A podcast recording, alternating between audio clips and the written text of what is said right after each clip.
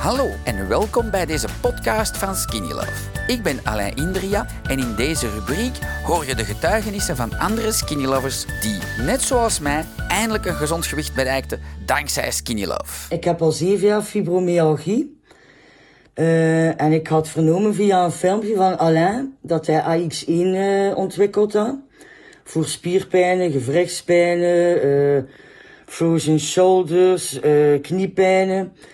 Bij deze had ik dan besloten om dat een keer te bestellen en dat te proberen. Ik ben daar vijf dagen geleden mee begonnen. Ik ben begonnen met een schepje morgens en een schepje s avonds. Uh, ik heb persoonlijke coaching gehad van uh, Alain. Wat ik uh, vrij goed vond. nu pak ik soms een keer een schepje en half s'avonds. Ik ben gisteren dan opgestaan en ik had veel minder pijn.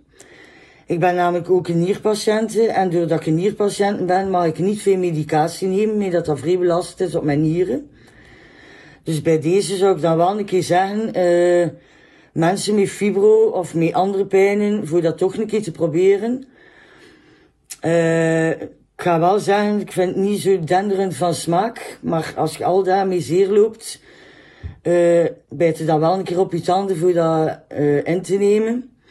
En als je dan daarna ontdekt dat je minder pijn hebt, uh, ja, heb ik dan liever een slechte smaak of dat ik uh, pijn moet rondlopen.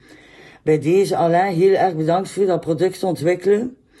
Het is uh, op natuurlijke basis, dus ja, ik zou het iedereen aanraden voor toch een keer te proberen. Dankzij dit verhaal heb je ongetwijfeld zelf ook de motivatie gevonden om van start te gaan. Ik wens jou heel veel succes!